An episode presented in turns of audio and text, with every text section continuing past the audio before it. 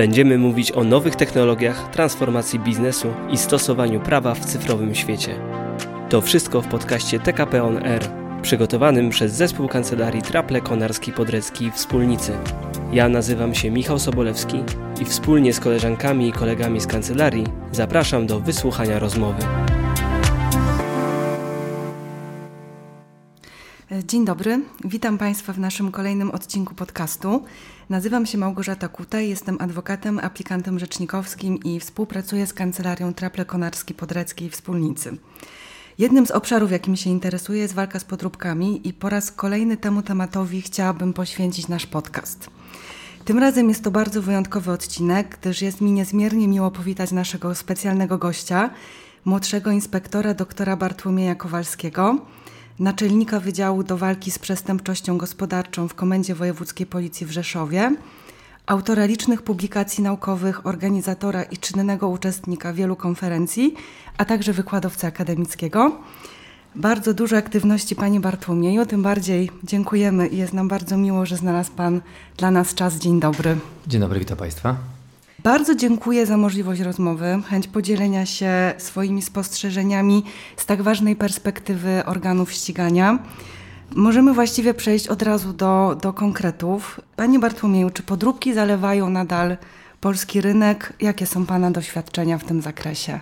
Dane statystyczne z zakresu przestępczości przeciwko własności intelektualnej wskazują, zwłaszcza jeśli chodzi o artykuł 305 prawa własności przemysłowej, że w ostatnich latach maleje liczba postępowań wszczętych, natomiast rośnie liczba przestępstw stwierdzonych, co może oznaczać, że zmienia się charakter tej przestępczości.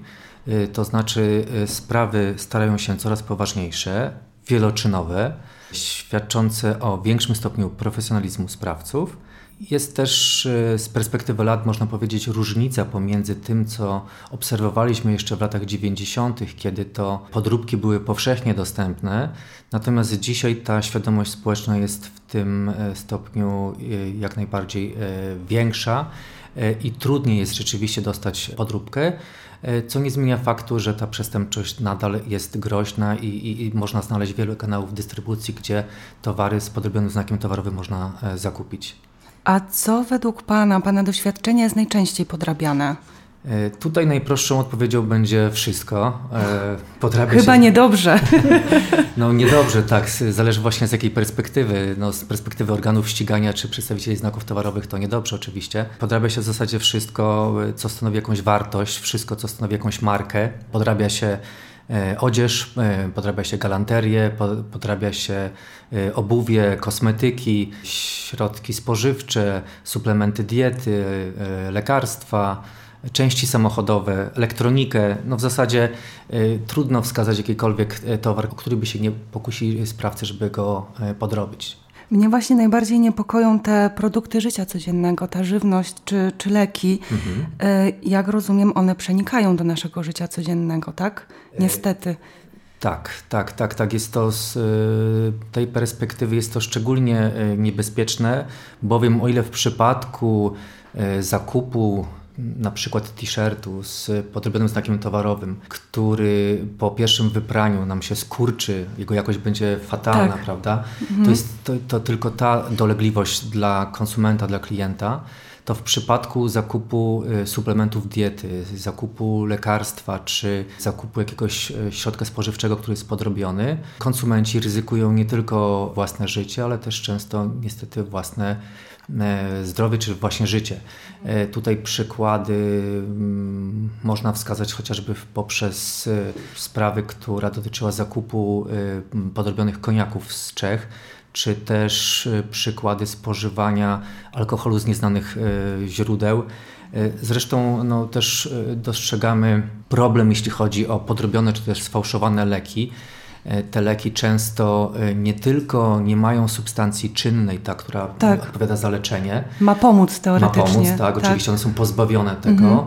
E, ale niestety często tego typu pseudoleki, podrabiane tak. leki, mają jakieś substancje szkodliwe. Tak? Tutaj no, no, przestępcy naprawdę nie mają żadnych ograniczeń. Według badań później dowiadujemy się, że takie podrobione leki zawierają substancje bardzo szkodliwe, które spożycie zagraża życiu czy też zdrowiu. A podrabia się niestety większość leków, zwłaszcza leki na potencję, leki hormonalne, antybiotyki, leki antykoncepcyjne z racji e, ceny, wartości.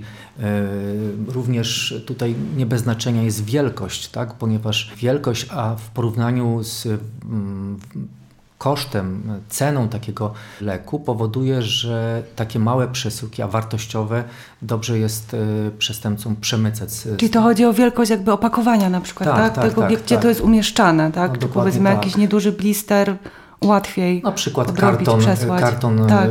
półtora litrowy soku, który jest wypełniony e, tysiącama, tysiącem jakimś tabletek, które są e, podrobione właśnie w Chinach i dostarczone do, na polski rynek. Dosyć płynnie przeszliśmy właśnie do tego, tego sposobu podrabiania kanałów właściwie, jakimi możemy dostać podróbki. Czy, czy to jest tak, że handel podróbkami przeniósł się głównie do internetu? To, o tym się słyszy od pandemii COVID-19 właściwie. Ale chciałam tak jeszcze może dopytać, czy to jest tylko internet, czy to są dalej te nasze przysłowiowe bazary, hale targowe, galerie też handlowe, prawda? Bo to też te legalne, powiedzmy, może nie tyle legalne, co wyglądające też czasem jako legalne miejsca nabycia. Jak, jak to wygląda z tym?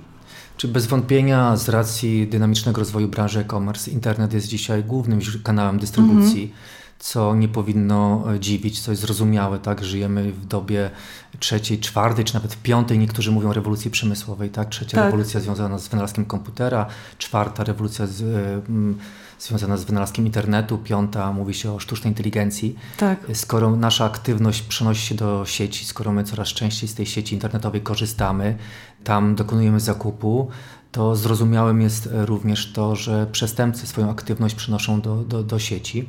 I bez wątpienia to, to internet jest tym głównym kanałem dystrybucji, różnego rodzaju e, platformy sprzedażowe, które trzeba powiedzieć, że starają się walczyć e, oczywiście z, z, z tym procederem. E, ale nie, nie, możemy zapominać również o tych takich tradycyjnych kanałach dystrybucji. Na bazarach również nadal możemy spotkać towary z podrobionym znakiem towarowym, czy nawet na niektórych stoiskach czy, czy wyspach w galeriach handlowych zdarzają się takie przypadki, że, że funkcjonariusze organów ścigania zatrzymują tam towary z podrobionym znakiem towarowym. Ale bez wątpienia y, y, dominuje y, internet. Internet.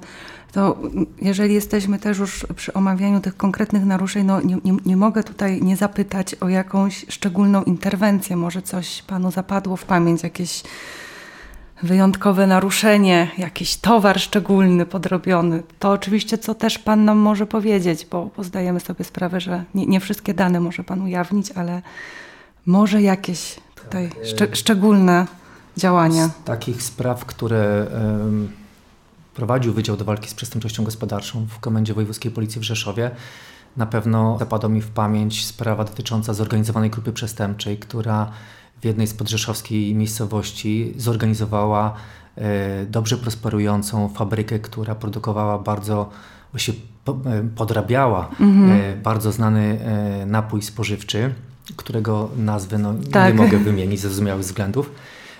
Co ciekawe w tej sprawie to fakt, że członkami tej zorganizowanej grupy przestępczej byli głównie Litwini.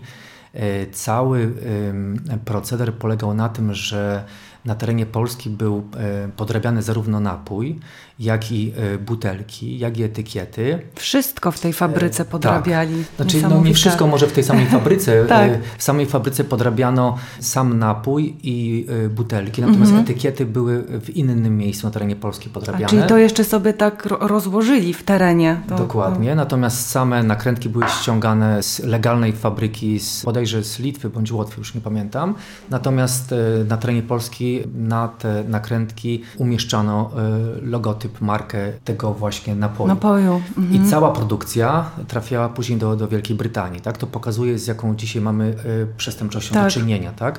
E, grupa składająca się w większości z Litwinów i Polaków działa na terenie Polski, a produkt finalnie trafia do Wielkiej Brytanii. To jest, pokazuje zorganizowaną przestępczość, skalę, też. skalę tak. i transgraniczność tej, tej przestępczości. Dokładnie. Innym przykładem, właśnie też pokazującym transgraniczność tejże przestępczości, y, może być sprawa, która z naszej perspektywy zaczęła się od zgłoszenia od producenta chemii gospodarczej i, i, i kosmetyków który zaczął otrzymywać zgłoszenia na swoją infolinię o tym, że klienci z uwagi na użycie jednego z szamponów przeciwłupieżowych mają problemy skórne. E, to zainteresowało właśnie producenta, który z nami się skontaktował i nasze czynności operacyjne doprowadziły do ustalenia, że na terenie Polski wprowadzano wówczas na dużą skalę e, podrobione szampony e, przeciwłupieżowe. Mhm. Zatrzymaliśmy ich w sumie ponad 60 65 tysięcy sztuk. No proszę bardzo, niesamowita, duża ilość. Duża mhm. ilość, tak. A te szampony trafiły na polski rynek z portów w Rotterdamie i w Hiszpanii, a sama produkcja miała miejsce w Zjednoczonych Emiratach Arabskich. To też pokazuje właśnie tak, transgraniczność. skalę, transgraniczność tak. tejże przestępczości. Ale mhm. też możemy powiedzieć, e, że nie tylko właśnie towary trafiają z innych krajów. E, rodzime grupy przestępcze e, też produkują. Radzą sobie, Radzą jak sobie, tak. rozumiem. Tak. Nawet na zasadzie takiej anegdoty mogę tutaj wskazać przykład jednej ze spraw, gdzie w produkowano e, w domowych warunkach, e, w betoniarce, tak. E, podrabiano bardzo znaną przyprawę. Tak? To, to też tego typu sprawy są. Nie wiem, czy chcemy to wiedzieć, ale. To na szczęście miało już miejsce kilka lat temu, więc. Nie, no doskonały też przykład po, po, pokazuje skalę i, i przedmiot działalności. Tak? To... A z czasami mam do czynienia z nie tyle z samymi przestępstwami przeciwko własności intelektualnej, czy raczej z, czasami e, one zmierzają w kierunku oszustwa. Tak? tak. Mieliśmy taką parę lat temu sprawę, kiedy to przedsiębiorca e, z Krosna zamówił transport e, bardzo znanej kawy tak. i podczas rozładunku okazało się, że te palety, które były profesjonalnie ofoliowane, profesjonalnie zapakowane w kartony, które były oznaczone logo E, bardzo znanej e, kawy. E, okazało się, że w środku zawierają worek, worki z piaskiem, a nie właśnie z kawą. Tak. No klasyczne mhm. oszustwo w tym wydaniu, gdzie tak. no, profesjonalnie wszystko zostało przygotowane i zewnętrzne opakowanie produktu do złudzenia przypominało towar oryginalny. Tak, jesteśmy właśnie przy tym nie wiem jak to nazwać, chyba łączonej przestępczości, to y, to, co się też słyszy, czy, czy o czym się czyta, to to, że handel z podróbkami jest też jakby elementem innej działalności przestępczej.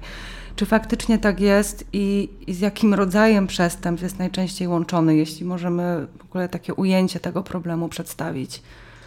E, czy z perspektywy organów ścigania, może z perspektywy policji przede wszystkim, tak. która znaczną część tego typu spraw prowadzi, y, przestępczość przeciwko własności intelektualnej jest to część przestępczości gospodarczej. Y, przestępczość gospodarcza, to trzeba też podkreślić, ma tendencję cały czas rosnącą. W odróżnieniu od przestępczości w ścisłym tego słowa znaczeniu kryminalnej, która no, odnotowujemy od lat spadek tej przestępczości. Spada nam liczba kradzieży, rozbojów, e, zabójstw. Natomiast od lat 90. mamy cały czas tendencję rosnącą, jeśli chodzi o przestępczość gospodarczą, mm, co jest e, między innymi spowodowane czynnikami kryminogennymi tejże przestępczości. Cechy tej przestępczości, e, takie jak na przykład brak przemocy, jak pozory działalności legalnej, jak właśnie duże straty, jak to, że często ofiarami tej przestępczości są ważne instytucje e, systemu gospodarczego, takie jak tak. banki, mhm. takie jak, jak e, towarzystwa ubezpieczeniowe, czy jak w przypadku towarów z podrobionymi znakami towarowymi, przedstawiciele znaków towarowych. E, tutaj dochodzi taki czynnik też psychologiczny. Sprawcy działają czasami w myśl zasady mówiąc kolokwialnie, nie trafiło na biednego. Tak? Czyli poradzi sobie. Poradzi sobie, tak? Ten bank, ta, e, ten, tak. to towarzystwo ubezpieczeniowe, czy ten przedstawiciel znaku towarowego, no nie zbiednieje, jeśli dojdzie do jakiegoś oszustwa, czy jakiegoś przestępstwa na, na jego niekorzyść. Tak? Łatwiej sobie psychologicznie takie przestępstwo wytłumaczyć. Przestępczość gospodarcza, w tym właśnie przestępczość przeciwko własności intelektualnej, jest dzisiaj przede wszystkim coraz częściej przestępczością zorganizowaną. E, z racji tego, że mm, coraz częściej obserwujemy, że zajmują się tym przestępcy zawodowo, e, profesjonalnie. Coraz częściej też te grupy są multiprzestępcze, czyli nie zajmuje się tylko jednym typem przestępstw, E, tylko obserwujemy, że na przykład dana grupa przestępcza zajmuje się nie tylko na przykład karuzelami podatkowymi, wyłudzeniem podatku od towarów i usług, ale też na przykład podrabia e, wyroby tytoniowe, czy też e, korzysta tutaj w sposób nieuprawniony z podatku akcyzowego, dokonując właśnie uszczuplenia podatku akcyzowego. Należy zwrócić również uwagę na fakt, że takie wprowadzanie do obrotu towarów z E, podrobionym znakiem towarowym. E, kopiowanie tej zewnętrznej e, postaci produktu jest czynem nieuczciwej konkurencji i E, jako taki ten czyn uderza w, w konkurencyjność. Tak, uderza w te podmioty, które legalnie prowadzą działalność prowadzą, gospodarczą, tak. prawda? Mhm. E, I, I, często o tym e, osoby, które decydują się na zakup podróbki zapominają, że w ten sposób nakręca się szarą strefę, tak? że dzięki temu przestępcy uzyskują nienależne dochody, a do budżetu Skarbu Państwa nie wpływają z, z tytułu sprzedaży oryginalnych produktów należne podatki. Czyli trzeba jakby poszerzyć tę perspektywę, czyli nie tylko kupuję jakąś tam podrobioną bluzkę, torebkę, czy niestety nawet lek, y, y, czy tak jak tutaj Pan wspomniał, jakiś produkt spożywczy, ale też uczestniczę w takim szerszym procederze przestępczym poniekąd, prawda? Y, wpływam na ten proceder.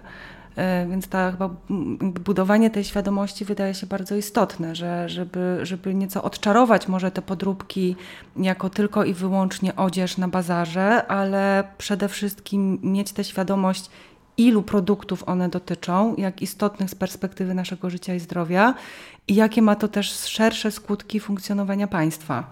Dokładnie tak. Jeśli chodzi, no już wspominaliśmy tutaj o suplementach diety, o lekarstwach, o artykułach spożywczych, ale można też było podać przykład części samochodowych, podrabianych części samochodowych, tak? jakie to jest, tak. rodzi ze sobą e, niebezpieczeństwo. Tak? Z jednej strony właśnie dla zdrowia i życia, a z drugiej strony właśnie ten rynek podrabianych towarów powoduje zmniejszenie się legalnego rynku i dzięki temu przestępcy uzyskują no, nienależne dochody. Mam jeszcze takie pytanie odnośnie tego samego sposobu podrabiania. Bardzo często też w mojej praktyce zauważam, że te podróbki to już się stają praktycznie perfekcyjne. I nie dotyczy to właśnie tylko tej odzieży, galanterii, ale niestety leków, suplementów diety. Spotkałam się z takimi sytuacjami w praktyce, że dopiero skutki zastosowania danego leku pokazały, że coś jest nie tak, o czym zresztą Pan już wspomniał. Ewentualnie na przykład jego użycie, zwrócenie uwagi na jakąś konsystencję na przykład produktu.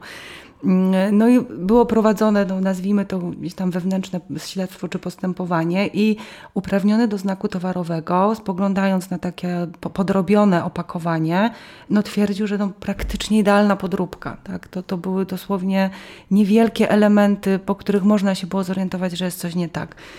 I, I to jest właśnie moje pytanie, które nieco ma przydługi wstęp. Y, jak wesprzeć te organy ścigania y, w walce z podróbkami? Jak z Wami współpracować? Jaki materiał dowodowy gromadzić? Albo co powinien robić uprawniony, żeby być może być jak najmniej narażonym na to podrabianie? To, o czym Pani wspomniała, czyli podrabiane e, leki, czasami mówi się nawet o tym, że to jest zbrodnia doskonała, bo nawet jeśli nie zadziała taki lek, to przecież e, pacjent nieraz może się spotkać z sytuacją, że zakupiony lek w aptece oryginalny również może nie zadziałać, tak? tak. Bo nie został trafnie dobrany. Dobrany, prawda? dokładnie. Mhm. E, więc nawet tutaj możemy wskazywać na, na trudności w, w odróżnieniu towaru podrobionego od oryginalnego.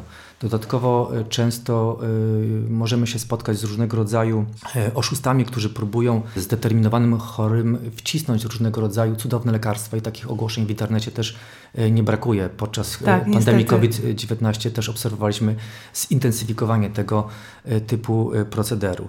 Natomiast jeśli chodzi o, o to, czym e, można wesprzeć organy ścigania, myślę, że tutaj właściwym działaniem ze strony przedstawicieli znaków towarowych jest polityka zero tolerancji. Tak? Kiedy to współpracują przedstawiciele znaków towarowych z organami ścigania, ścisła współpraca, składanie wniosków o ściganie przestępstw, zwłaszcza z artykułu 305, który w ustępie pierwszym jest ścigany na wniosek, na wniosek jest, jest tak. czymś podstawowym. Tak? Tak, i wymaga e, aktywności uprawnionego. Dokładnie tak. E, no, szkolenia w zakresie identyfikacji podróbek, ponieważ e, w, w, organach ścigania obserwujemy fluktuację kadr, zmienia się tam nam kadra, to potrzeba szkoleń jest nieustająca. funkcjonariusze powinni wiedzieć, znać te podstawowe sposoby identyfikacji towaru oryginalnego od towaru podrobionego. Zresztą myślę, że w interesie w ogóle producentów jest stworzyć tego typu zabezpieczenie produktów, które będą ograniczały możliwość podrobienia produktu podzieli się w części tą wiedzą z, z, organami ścigania, ale też myślę, że z konsumentami, którzy mając świadomość wyboru i możliwości sprawdzenia, e, odróżnienia towaru e, oryginalnego od, od podrobionego, myślę, że zdecydowanie częściej wybiorą ten e, towar oryginalny. oryginalny. Dodałbym tutaj jeszcze powszechny taki dostęp do informacji w zakresie reprezentowania poszczególnych marek, znaków towarowych, tak, tak żeby funkcjonariusz, który podejmuje czynności, wiedział do kogo ma się skontaktować, z kim ma się skontaktować w zakresie właśnie złożenia wniosku o ściganie, jeśli chodzi o konkretną markę, o konkretny znak towarowy. Tak, to na pewno przyspiesza przede wszystkim działania, a nie poszukiwanie, prawda, wysyłanie korespondencji i, i no to spowalnia po prostu postępowanie. To, to, to prawda. E, na koniec chciałabym też obalić pewien mit, E, który może w jakimś stopniu funkcjonuje, że policja to mniej chętnie zajmuje się takimi sprawami, bo woli takie poważne, powiedzmy w tym naszym ujęciu społecznym, prawda? Zapewne też e, emocjonalnie poważne, też pewnie w skutkach poważne. E, I że te sprawy własności intelektualnej są tak troszkę traktowane z boku. Z mojego doświadczenia naprawdę wynika co innego. Y, mam wrażenie, że y, policja jest coraz bardziej wyspecjalizowana w walce z tego typu przestępczością. Jak to wygląda od kuchni, od tej perspektywy organów ścigania? Przestępczość przeciwko własności intelektualnej jest, jak już wspominałem, obszarem przestępczości gospodarczej. Obecnie w, w ramach e, instytucji, którą reprezentuję, czyli policji, służy około 100 tysięcy funkcjonariuszy, z czego myślę, że około 5 tysięcy e, to są funkcjonariusze, którzy zajmują się zwalczaniem e, przestępczości E, gospodarczej, którzy prowadzą czynności dochodzeniowo-śledcze, czynności operacyjno-rozpoznawcze tym zakresie. Zgodnie z zasadą legalizmu e, organ procesowy powołany do ścigania przestępstw jest zobowiązany z chwilą, kiedy uzyska uprawdopodobnioną wiadomość o przestępstwie ściganym z oskarżenia publicznego, aby wszcząć i przeprowadzić postępowanie karne. Jak już wspominaliśmy, artykuł 305 w ustępie pierwszym jest ścigany y, na wniosek, więc tutaj rzeczywiście ta współpraca jest bardzo ważna w zakresie składania wniosków przez, przez uprawnione do tego podmioty, bo w przypadku, kiedy taki wniosek nie zostanie złożony albo zostanie wycofany, to jest to negatywna przesłanka procesowa, która skutkuje, skutkuje y, umorzeniem takiego y, postępowania. W przypadku natomiast czynu e, określonego w ustępie trzecim e, artykułu 305 e, praw własności przemysłowej, gdzie mamy do czynienia z uczynieniem sobie z tego procederu stałego źródła dochodu, czy też w przypadku mienia znacznej wartości, ta inicjatywa jest bardziej po stronie w praktyce mogę powiedzieć po stronie organów ścigania to my często prowadząc... To są takie przestępstwa, może się tutaj włączyć takie na większą skalę, tak, może dokładnie żeby tak. nasi mhm. słuchacze też to, to zrozumieli. E, mienie znacznej wartości, czyli mienie e, powyżej tam 200 tysięcy 200 tysięcy mhm. złotych, e, wtedy ten czyn stypizowany w artykule 305 w ustępie 3 nie jest ścigany na wniosek, tylko jest ścigany z oskarżenia publicznego, z urzędu. To nam pozwala działać E, troszeczkę szerzej i e, zbierać materiał dowodowy w wyniku jakichś e, bardziej ofensywnych metod pracy operacyjnej. Także myślę, że mm, podsumowując, organy ścigania prowadzą, chętnie prowadzą postępowania z zakresu przestępczości przeciwko własności intelektualnej, tylko trzeba też jakby zrozumieć, że jest to fragment większej całości. Jeśli chodzi tak. o przestępczość gospodarczą, to jest bardzo szerokie spektrum zainteresowania e, organów ścigania. To jest nie tylko kodeks karny, nie tylko kodeks karny skarbowy, ale to jest e, kilkadziesiąt ustaw zawierających przepisy karne, gdzie jednym z obszarów jest e, własność intelektualna, bardzo ważnym, ale jednym z, jednym z wielu. Na pewno nie ma e, jakiegoś ostracyzmu, czy nie ma jakiegoś niechęci ze strony organów ścigania ta współpraca myślę, że, że, że y, naprawdę na, na poziomie poszczególnych jednostek wygląda y, dobrze, jeśli chodzi o współpracę z y, przedstawicielami znaków towarowych. Aczkolwiek no, podkreśliłbym tutaj rolę, rolę jakichś szkoleń i, i możliwości wymiany doświadczeń pomiędzy organami ścigania właśnie a przedstawicielami znaków towarowych. Czyli taka większa aktywność uprawnionych to na pewno zawsze wesprze organy ścigania. Myślę, że tak. Myślę, że nawet tutaj ustawodawca w ten sposób, tworząc ten artykuł 305. To tak? prawda. Jednak, tak go ułożył. Tak go ułożył, żeby wskazał tutaj jednak tak. tę główną rolę ze strony przedstawicieli znaków towarowych. Tak? Policja, inne służby są tutaj oczywiście zgodnie z zasadą legalizmu gotowe do działania, ale ten pierwszy krok e, powinien być zrobiony e, przez e, właśnie przedstawicieli znaków towarowych i też konsekwencja tutaj, tak żeby nie zniechęcać funkcjonariuszy wycofaniem wniosku no właśnie, o ściganie. Tak, jak już składamy, to działamy do końca. Tak, dokładnie, mhm. konsekwentnie do końca, wtedy, wtedy zyskujemy większe zaufanie. To prawda.